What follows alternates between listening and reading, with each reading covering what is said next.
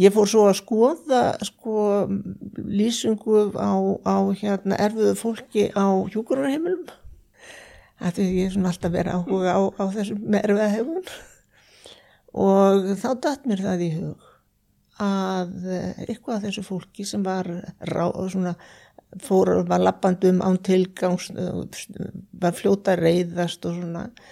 Það var tvenn sem ég kom í huga. Annars vegar að þetta gæti verið fólk með ógreint ADHD og þetta gæti verið fólk þarna innan má saman við með ógreinda röskun og einhverju rófi og ég, ég er alveg samfarðum að þetta er, það er tilfellið að þarna er inn, hjá þessu fólki með erfiða hegðun þá, þá er ekki ólíklegt að þetta annarkvort að þessu tvennu jafnvel hvort vekja eigi mér.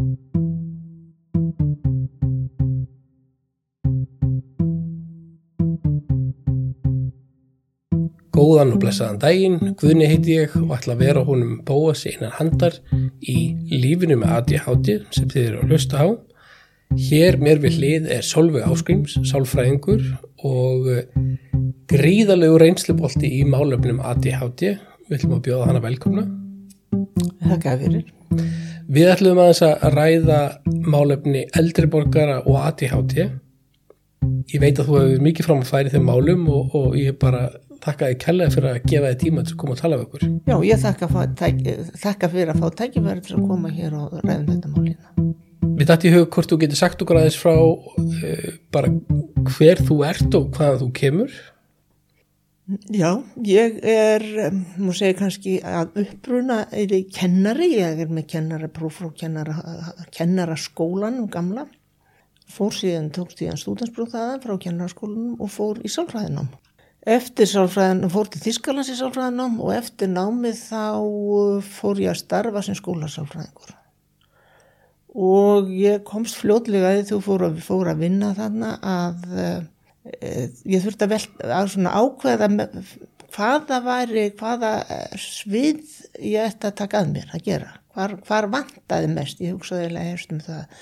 Ég sá að það var mikið af góðum sérkennurum sem kunnu á fólk, krakka með lestararörðuleika og, og þetta gekk allt saman ágjörlega en það var eitt svið sem að allir voru stóður á þrótagagvart og það voru hegðunavandamál. Þannig að ég ákvað þarna að þar var í svið sem ég ætti að fara að, að reyna að einbytta mér að sem börn með hegðunavanda og það var náttúrulega svolítið erfitt vegna þess að það var eiginlega ekkert tilneitt til þess að leitbeina manni hvernig maður ætti að gera það.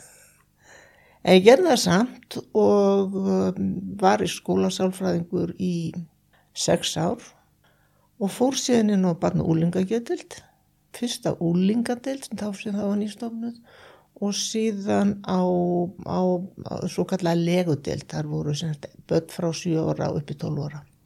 Þar þanga komu tölvert mikið af börnum með alvarlegan hegðunavanda og uh, smátt og smátt fór maður átt að sig á þessu hvað þetta var og, og síðan var ágætur kollegja minn, Pall Heitin Magnússon, sem fór að ræða við mig um þessi börn sem að væru með mikil hegðunavandamál, næðist ákveðin árangu með inn á, á dild en síðan fær allt í sama farið aftur og hann kynnti mig fyrir Amerikana, Russell Barkley og ADHD. Þannig byrjaði þetta. Uh, og um, uh, svo ég græsast fyrir, hvaða, hvaða tímabil er þetta? Hvaða... Sko ég byrjaði eitthvað, eitthvað, ég hafi ekki byrjaði eitthvað, 80 og eitthvað í, í skólasólfræðinni Ég fer eitthvað 86 minni minn og barnagetild, þartölun er svona svolítið fann að veifast fyrir mér. En við erum að byrja á þessu ADHD dæmi um, um 1990 og við byrjum á því að við fórum að lesa uh, tímaritt, bæk, bók, sérstaklega eina bók, uh, litla bók um ADHD vorum þarna ákveðin svona hópur eða teimi, það voru tveið, tveið þrjir sjálfræðingar, það var félagsáðgjafi, hjúgrunarfræðingur, listmeðferðarfræðingur og kennari úr, úr talbröðarskóla og við fórum sem þetta fyrst að bara kynna hvert fyrir öðru það sem við vorum að lesa og fórum síðan drefum okkur í að fara að halda námskeið fyrir foreldra. Og skömmu síðar að fórum við að aðtuga með að fara að gera greiningar eftir eh, eiginlega að, aðferðum Barclays. Sko áður spyrði frekar út í Russell Barkley þá, hef, þá erum við að tala um börn sem voru almennt um kölluð bara vandraða börn, erfið börn, vandraða úlingar. Það er þessi hópur sem við erum að tala um. Já, börn með alvarlegan hegðunum vanda. Reyðirkost, eh, neytur, hlítu ekki og voru fóreldur sínum og skólakjárnum mjög erfitt út af hegðunum vanda. Russell Barkley kemur sterkur inn í ykkar vinna á þessum tíma. Hvað er, ef þú útskýrir fyrir okkur, hvað er megin eintaki hans uh, kenningum og, og, og hvað er það sem þið byrjuð að vinna með, með ykkar sjálfstæðinga? Sko það sem að var uh, fyrsta lagi gafan þessu, þessu hérna eitthvað nafn og intak og, og ákveð setti þessi, þessi hegðun í ákveði kerfi með sem sagt að það komu þarna inn aðtilsbröstur, það kom ofverkni og það kom kvartísi. Þannig að þegar maður hafði þetta, þetta þrent þá hafði maður svona eitthvað til þess að fara, eitthvað fórsendu til þess að nálgast þessi börn og að hjálpa fóröldrum og síðan inn í þetta bæti síðan við með, hérna, meðferð þar að segja uh, behavior eða atverðismeðferð að kenna fóröldrum atverðismeðferð að, að umbuna fyrir það sem að gekk vel og en refsingar fyrir það sem gekk illa eða, eða viðurlög það var ekki lagt mikið láherslan á það, það kom svona setna en það var aðal áherslan og hefur alltaf til verið aðal áherslan á að, að umbuna fyrir jákvæð hegðun. Hitt er svona meira kannski stökusinu til, á, til að leggja áherslu á eitthvað að svift, að böð fá ekki umbunni eða eitthvað þess að.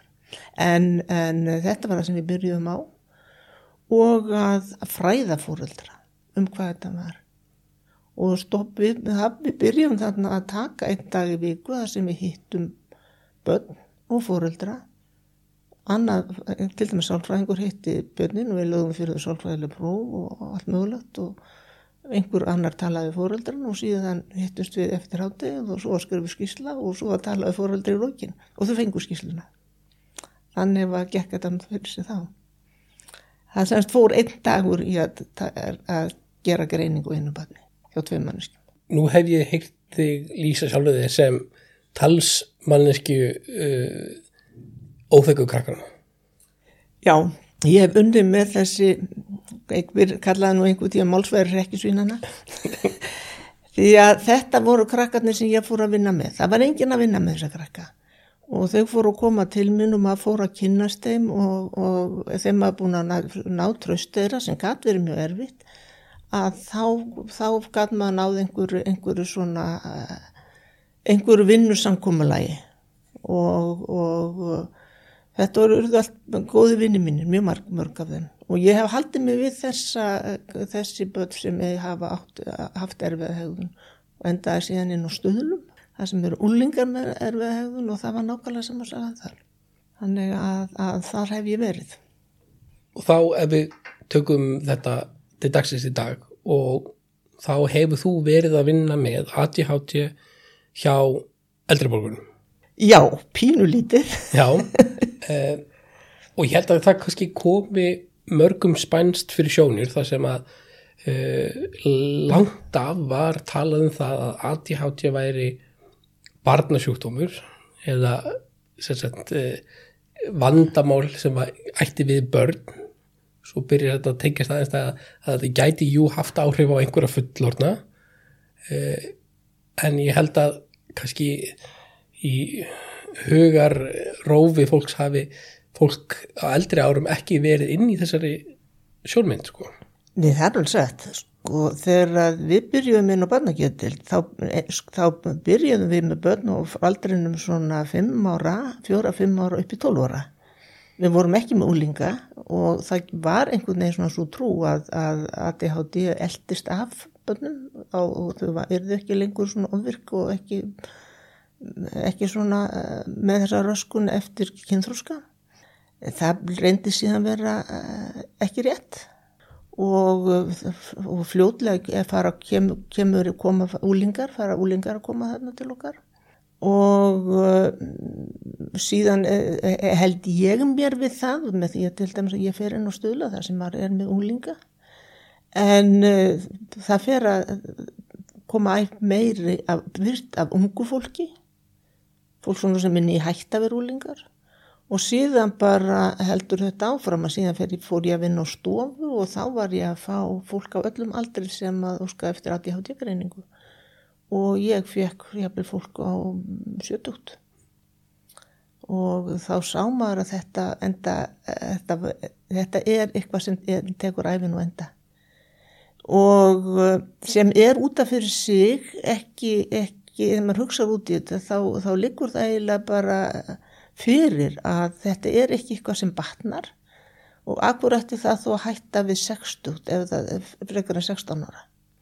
Ertu þar að vísa til þess að, að við erum að tala um uh, tauga þroska hömlun? Já, og við erum bæða að tala um þessa tauga þroska röskun sem er þarna, hún hefur áhrif all lífið og enda Hún, hún hefur áhrif á, á skipulag, hún hefur áhuga áhrif á það hvernig fólki gengur að einbynda sér og skipulagi lífsitt og síðan bætast við e, fylgjiráskanir. Að ógreint ADHD því fylgja gífulega erfiða fylgjiráskanir, kvíðið þunglindi, e, neyslu vandamál og einangrun. Þannig að, að og þetta er allt saman eitthvað sem að heldur áfram. Og uh, ég fór svo að skoða sko lýsingu á, á hérna erfiðu fólki á hjúkurarheimilum það er ég svona alltaf verið áhuga á, á þessum erfiða heimilum og þá dætt mér það í hug að uh, eitthvað af þessu fólki sem var rá, svona fór var lappandum án tilgangs var fljóta reyðast og svona. Það var tvenn sem ég kom í huga. Annars vegar að þetta gæti verið fólk með ógreint ADHD og þetta gæti verið fólk þarna innan má saman við með ógreinda röskun og einhverju rófi og ég, ég er alveg samfarðum að þetta það er, það er tilfellið að þarna er inn, hjá þessu fólki með erfiða hegðun þá, þá er ekki ólíklegt að þetta tvent annarkvort að þessu tvennu jafnvel hvort vekja eigin mér. Hvernig er þetta þá, er þetta þá fólk sem er að fá uh, greiningar með elliklöp og eða er ekki verið að sinna á nokkur máta? Sko, eh, elliklöp er náttúrulega annað við fyrir að tala bara um sko heila rörnunar og, alls, og allsamið sjúkdóm og eitthvað þess áttar þá eru náttúrulega, það, það, er, það er alveg flokkur útaf fyrir sig en það er eh, öruglega getur verið tilfellið að einhver sem er með til dæmis ADHD, með fólk með ADHD sem heldur ekki utan um lífið sitt sem að, að man ekki svona eftir að gera eitt og annað sem er að ruggla eitthvað að það sé, það fólk telja að það sé meðleglöp en ekki, ekki, ekki með ADHD. ADHD er einhvern veginn ekkert inn í myndin á þessum aldri. En það þarf að hafa það í huga að, að þetta er og það eru til rannsóknir uh, um að ADHD hjá eldra fólki er raunverulega til. Vandamáli er það að það er erfitt að finna að, að tækinn til að greina ADHD að sérstaklega fólki sem er komið yfir stjútugt. Þau eru ekki nógu nákvæm. Getur þú útskýrta aðeins fyrir okkur? Við greinum ef maður tók teku bara við leggjum það er öðruvísi greininga við mið fyrir börn og fyrir fullorna að, að, og sama á í raun og ætti, sama ætti í raun og veru eiga við með fólk yfir, yfir þegar komið er til dæmis yfir 60 að þá eru ímisfærnir sem bara fer, fer eða drefur úr fólk hefur ekki sem snerpu að áður það þreytist fyrr Þannig að það þarf að þetta eru þættir sem þarf að rekna með inn í því þegar að farið þeirra að meta fólk með ADHD. Og við þurfum að það þarf reynilega það sem þarf að gera, það þarf að leggja þessi, þessi, þessi greininga við mig fyrir fullta fólki og skoða hvernig þetta kemur út. Bara eins og við gerum, gerum þegar við erum að búa til nýja greiningatæki. eða, eða staðla greiningatæki þá þarf að staðla fyrir þennan aldur og það hefur ekki verið hefur ekki verið gert að stoppa á því mikið. Nú heyrim maður að fólki sem lendir í hvað maður skal segja greiningalegum vegg hvað það varðar að, að þau greiningavegum sem eru til staðar snúa því að, að tala við vini og vandamenn og fóreldra og, og þegar eh, fólki komið á háan aldur þá er líklegast ekkert að ráðfæri sig við fóreldra þeirra um hvernig viðkomandi var í æsku og, og, og, og er þar leðandi að lenda át í hodni með eitthvað sem er kannski þurfti aðstof með. Já, þetta, þetta er rétt að að við erum þessi, þessi að, að fólk, við höfum ekki aðganga af foreldrum og getum stundum átt aðgang á sískinum stökusinnum eða þá við getum líka haft aðgang að, að öðrum upplýsingum ef það eru til aðra helsufærsupplýsingar eða til dæmis bara upplýsingar úr skólakerfinu. Að við erum að kannski að sjá, sjá eitthvað sem að sem e, einhver, einhver einkennlega heiti skólakerfinu hvernig, hvernig skólaganga var sem bendir til þetta geti verið. En þetta getur náttúrulega aldrei verið eins nákvæmt eins og þegar þú getur spurt fóröldra sem er að horfa á bann En það er kannski önnur gagg sem koma til sem eru kannski skýrari fyrir vikið sem er slísasaga uh, brösótt vinnusaga uh, og aðri þætti sem, sem mála oft fyrir með skýramynda af þessum enginum. Jú, það er hægt og það, það er ákálega mikilvægt að taka mjög vandaða sögu eins langt aftur þegar, mað, þegar maður er að velta fyrir ADHD hjá eldra fólki að, að þetta sé ekki eitthvað sem hefur, hefur uh, allt í einu gerst, þá er það kannski bara er það, það kannski byrjun á einhverjum, einhverjum með tögakjærfis sjúkdómi eða þá afleðingar af einhverjum slísum eða áhrifum af áfengisneislu eða annari neislu. Þannig að við þurfum að taka, taka eh, sögunar mjög langt aftur. Því það sem er einkennandi, það sem að, þarf að hafa í huga þegar ADHD greining er gerð að einkenni sem við erum að skoða sé ekki hægt að, að skýra með öðru móti. Þannig að það er, það er, það er mikilsvægt að hafa það í huga að ef eitthvað annað sem er að koma inn í sem gæti skýrt hvers vegna viðkomandi er að, að fá þessu enginni að þá, þá myndu það ekki teljast með. Við, við erum að skoða hegðun og, hvernig, og byrtingamind hegðunar sem ekki er, er ekki að skýra með öðrum úti. Þannig að við þurfum að hafa að gera þessa, þessa, þessa aðtun svona svolítið langt aftur í tíman og sjá hvernig, hvernig, hvernig hlutinir hafa, hafa gengið þá. En þetta, þetta þarf þólumæð og vandar að skoða það nákvæmlega hvernig þetta hefur gengið og vandar sér við það.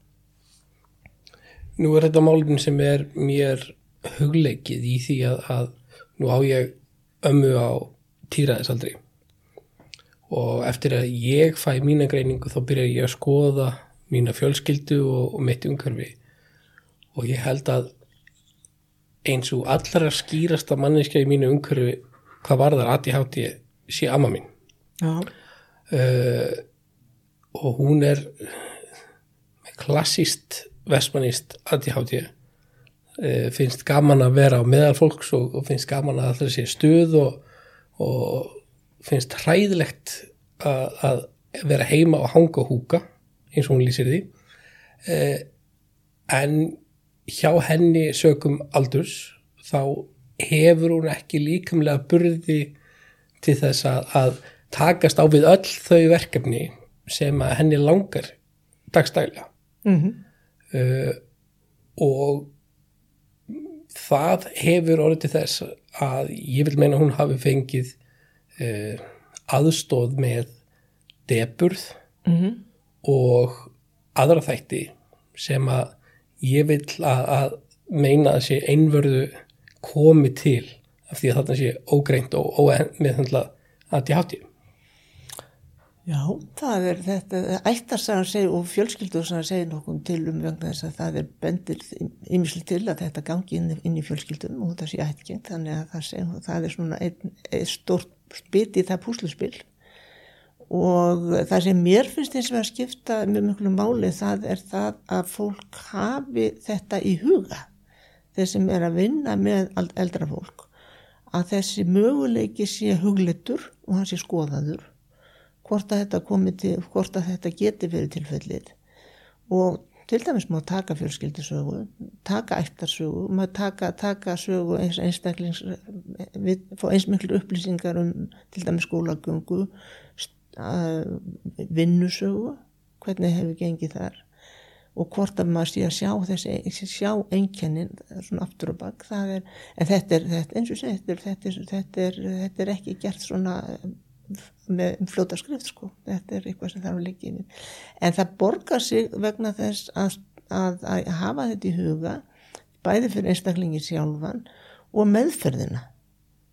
Þannig að það sé hann sé ekki að fá meðferð við einhverju, einhverju öðru.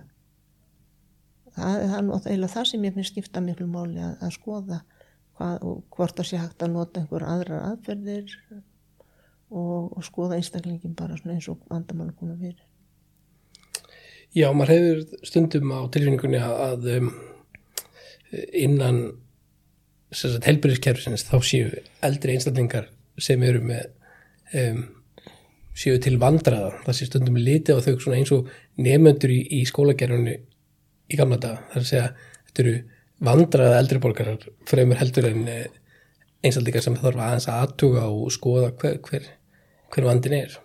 Já og vissulega geta verið komin þannig al, al, alvarlega vandraði við, við vitum það náttúrulega að, að ADHD fylgir eh, ákveðin hætta á til dæmis misnóðgum výmöfna og þegar það bætist við að viðkomandi hefur kannski verið í ofneyslu langan tíma tala nú ekki um ef hann hefur líka lett í, í tryggum vinnuslísum eða slísum vegna sína kvartvísi eða að þá, þá er þarna bætist á við eh, heilmikið af hlutum sem að það líka skoða og, og, og, vinna með.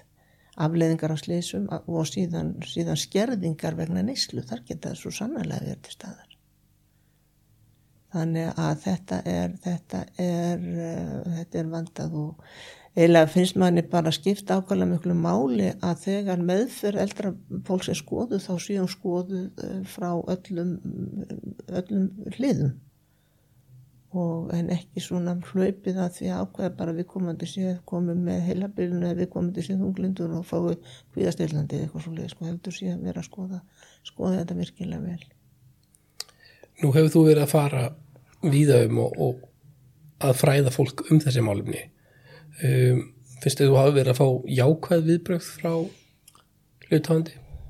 Já, mér finnst það nú sko að það sé nú það fólk hefur svona kannski orðið svolítið hissa, já, er þetta til þarna líka en í þessu sambandi sko þá, þetta langar mér svolítið að segja frá sko, ég var að lesa eftir þískan uh, gælagni sem hefur verið að vinna með ADHD hjá börnum og hún fór að skoða, skoða eldrafólk og það kom nú aðalega til vegna þess að þegar fóreldra komi með börnin sín og, og hún fór í veðalgreininga við mig þá kom allt í hennu upp já þetta er bara eins og pappi og uh, hún fór síðan að fá eitthvað af þessum öfum og ömmum til sín og kemst að því að það, það er líka fólk með ADHD og uh, hún skiptir þessu fólki svolítið í þrjá hluta eða þrjá hópa. Já það er hópa sem stendur sér nokkuð vel og uh, þetta, er, og þetta er fólk með ADHD sem hefur getað að nota ADHD-ið sitt.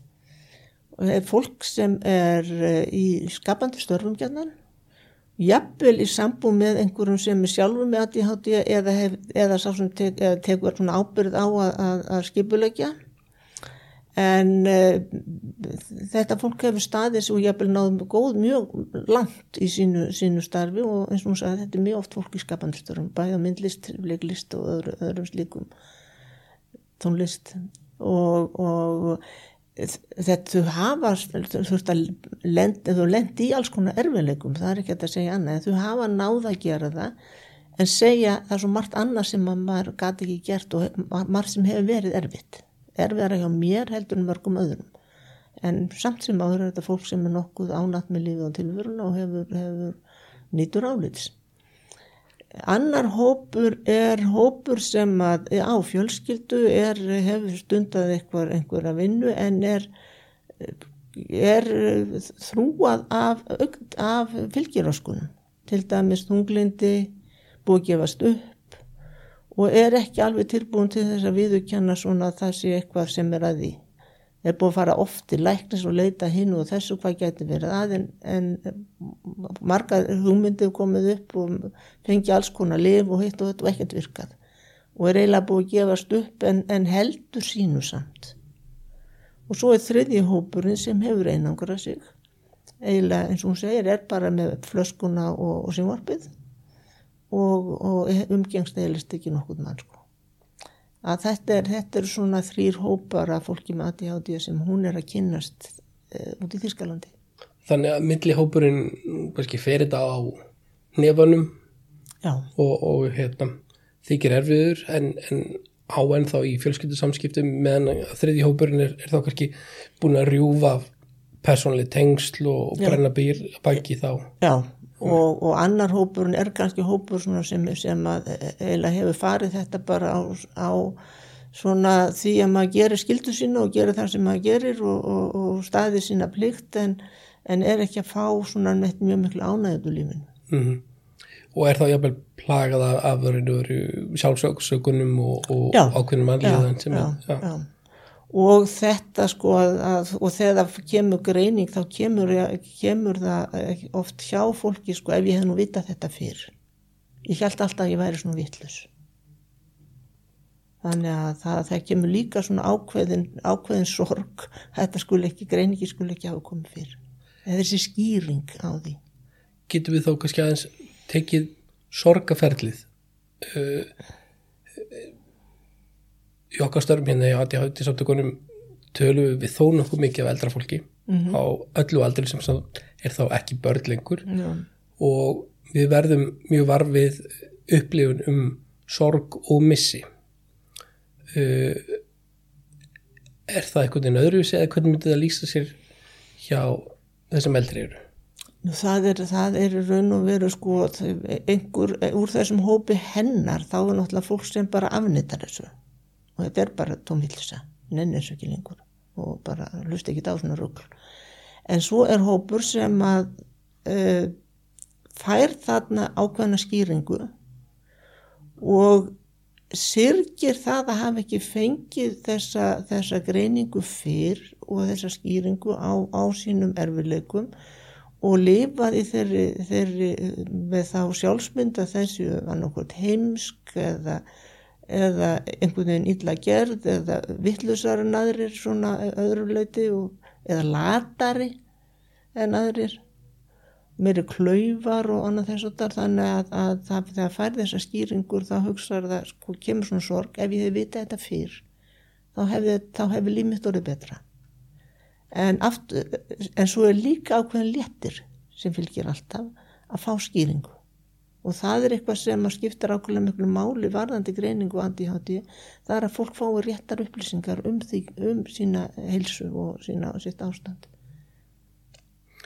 Já, þannig að fá einhvers konar svar Já. eh, veitir kannski einhverju hugun og einhverju ró. Já, það er bara að veiti hvað er. Ég veit ég er ekki svona vittlust og það hefur verið rosalega gott ég veit þetta fyrir en það er betra sent en aldrei sko. það kemur heil eitthvað svo lesið um, en um, mér langaði að spyrja raun og veru uh, eru einhver úrræði í dag? Eh, það er fyrsta lagi þar kannski að bara að, að, að, að svona ebla skilning á því hjá þeim sem er að fjalla um aldra fólk að þetta sé möguleiki. Það er kannski bara þar sem maður er að skoða. Það er þetta er margi farnar að skoða þetta núna held ég en uh, þetta þarf eiginlega að verða almennara að, að þessi möguleiki sé tekin tekin til greina og, og síðan síðan það verður náttúrulega bara að segjast eins og er að geð þjónusta fyrir eldra fólk er náttúrulega ekki burðu hér á landi. Nei, á ekki öðru. En síðan er sko annað sem ég finnst eiginlega ekki síður, síður sko mikilvægt að ko- komi fram og er, það er mennir að sjá það núna að lífslíkur fólks með ADHD og sérst eru, um, lægri heldur en fólk sem er ekki með ADHD og þar koma inn í fyrsta lagi slís sjálfsvík og, og afleðingar af, af neyslu. Að að þetta, þetta er, er eh, það eru rannsóknar bæði sé hollandska og sé ameríska eftir Russell Barkley og, og síðan, síðan er til sænska rannsókn sem sýnir að, og dönsk-sænsk að, að, að fólk með ADHD, ógrind ADHD, lífslíkur þess eru ekki jafn miklar eins og fólki sem er ekki með ADHD. Þannig að þetta er, þetta er alvarlegt, þetta er alvarlegt mál. Algjörlega um, og, og nú kannski uh, langaði með að koma með spurningu sem er það um, með auknum rannsóknum á það að ADHD sé eitthvað sem er eitthvað sem fylgir ykkur í gegnum lífið þá hefur komið hafa verið að koma rannsóknir sem sína fram að mögulega aðrir þættir ADHD verði erfileika þættir síðar á lífsleginni Mm -hmm. og, og aðrir þættir sem voru til, til vansa verði minni svo uh, getur þú frætt okkur eitthvað um það Það er þetta, sko, það er, það er, eh, það er, í- mér minnst það sem bendið, við vitum náttúrulega það með, með börn og úlinga að reyfi órúleikin hann mingar. Þau eru ekki svona upp um alla veggi þegar þau verða úlingar en þau eru með þessar litlu reyfingar og, og hugsanaflæðið er jafn mikið og pikk og pót og annað þess að það. Eldra fólk fer, ver, er náttúrulega líka líkamlega svona eh, ekki eins og amma þín, hún er kannski ekki færum að vera svona hlaupand út um allt því að líka minni færnast litna en og svo kemur inn í þetta það að, að fólk hefur, hefur binni snerpu lengur að gera hluti. Og það þarf bara gífurlega mikla rannsókn til þess að reyna að greina í sundu hvað sé hvað. Við, það við vitum það er til þessi hollenska rannsókn hún sýnir að, að, að það er, það er ADH, reynu ADHD einkennin e, sjást meira fyrir sjötút heldur en eftir sjötút nú velti maður fyrir sér þegar að, að, að hvort að þetta sé eitthvað sem er bundi við, við þá kynslu sem á undan er gengin sem hefur kannski lifað ekki, e- ekki verið jafn frísk eins og, eins og þegar fólk sem núna er eldast eða hvort að þarna sé við séum ekki geta, við séum ekki þarna kom inn í það að greiningatækis ekki nú gott þess að greina ADHD frá öðrum, öðrum vandamál sem geta verið. Þetta er mjög flókið og ég þúr ekki að segja neitt um það hvað það sé en það er mjög líklegt að, að þetta komi mjög mjög sérlega út eftir aldrei eins og allt annað. um, Lókum langaði mig að spurja því aðeins út í það um, hvort að þú veitir eitthvað til að, að, að um, komin til greiningar eða eða, eða að, að umræða verði til í fjölskyldum að, um ADHD að þetta sé til þess að auðvelda fólki að, að styrkja bönd og eða laga sambönd? Það, það gerir það sjálfsagt alltaf, það er, það er, það er auðveldara að, að, að komum segja skilja og, og, og fyrirgefa ef út í það farið. Ef þú veist að viðkomandi er, er með röskun sem, að, sem hann, hann ræður ekki alveg, stýrir ekki hegðun sinni svona og hann gerði og eða, eða eitthvað sem er haldan hafi gert ásötu ráði. Til dæmis það, það er náttúrulega leikur í augum uppi að það, það hlýtur að vera auðveldar að fyrirgefa slikt og skilja hegðun manna. Og sérstaklega ræða um það að geta bara haft rætt opið um vanda það er náttúrulega eitthvað sem er, er ákálega mikil svirði heldur en fólk sé að pukrast með eitthvað og með ekki segja eitthvað eða eitthvað þess áttar þannig að opin umræði þar sem að málun er, eru rætt og skýrð og hvort var skýringar á áhegðun það, það er alltaf hinn og góða. Er eitthvað sem myndið vilja koma að lókum að reddi málefni? Það er bara allt að hérna, ADHD samtökin fari að sinna þessu málum líka betur og meira. Algjörlega og þetta er, þetta er allavega á sjóndöldarhingnum hjá okkur eh, eins og við erum að vinna með að færa þetta meira inn í skólana þá held ég að þetta sé sannlega framtíðin hjá okkur. En ég þakka bara fyrir að sinni og ég vil endilega fá að taka því aftur í vittal við takja færi þar sem við tökum aðeins fyrir þessa úlinga og hvernig eh, raun og veru málumlega úlinga hafi verið hafa breyst á þessum tíma Já, sko, það, er, það, það, það er mjög áhugavert og ég þakka fyrir mig. Takk fyrir